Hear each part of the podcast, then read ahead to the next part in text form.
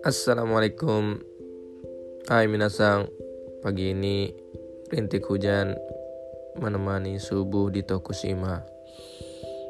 Gimana kabarnya semuanya? Semoga tetap gengki dan ceria. Oke eh, Beberapa hari sebelumnya Boku ngomongin masalah duit Atau masalah keuangan bareng Putri Ayah.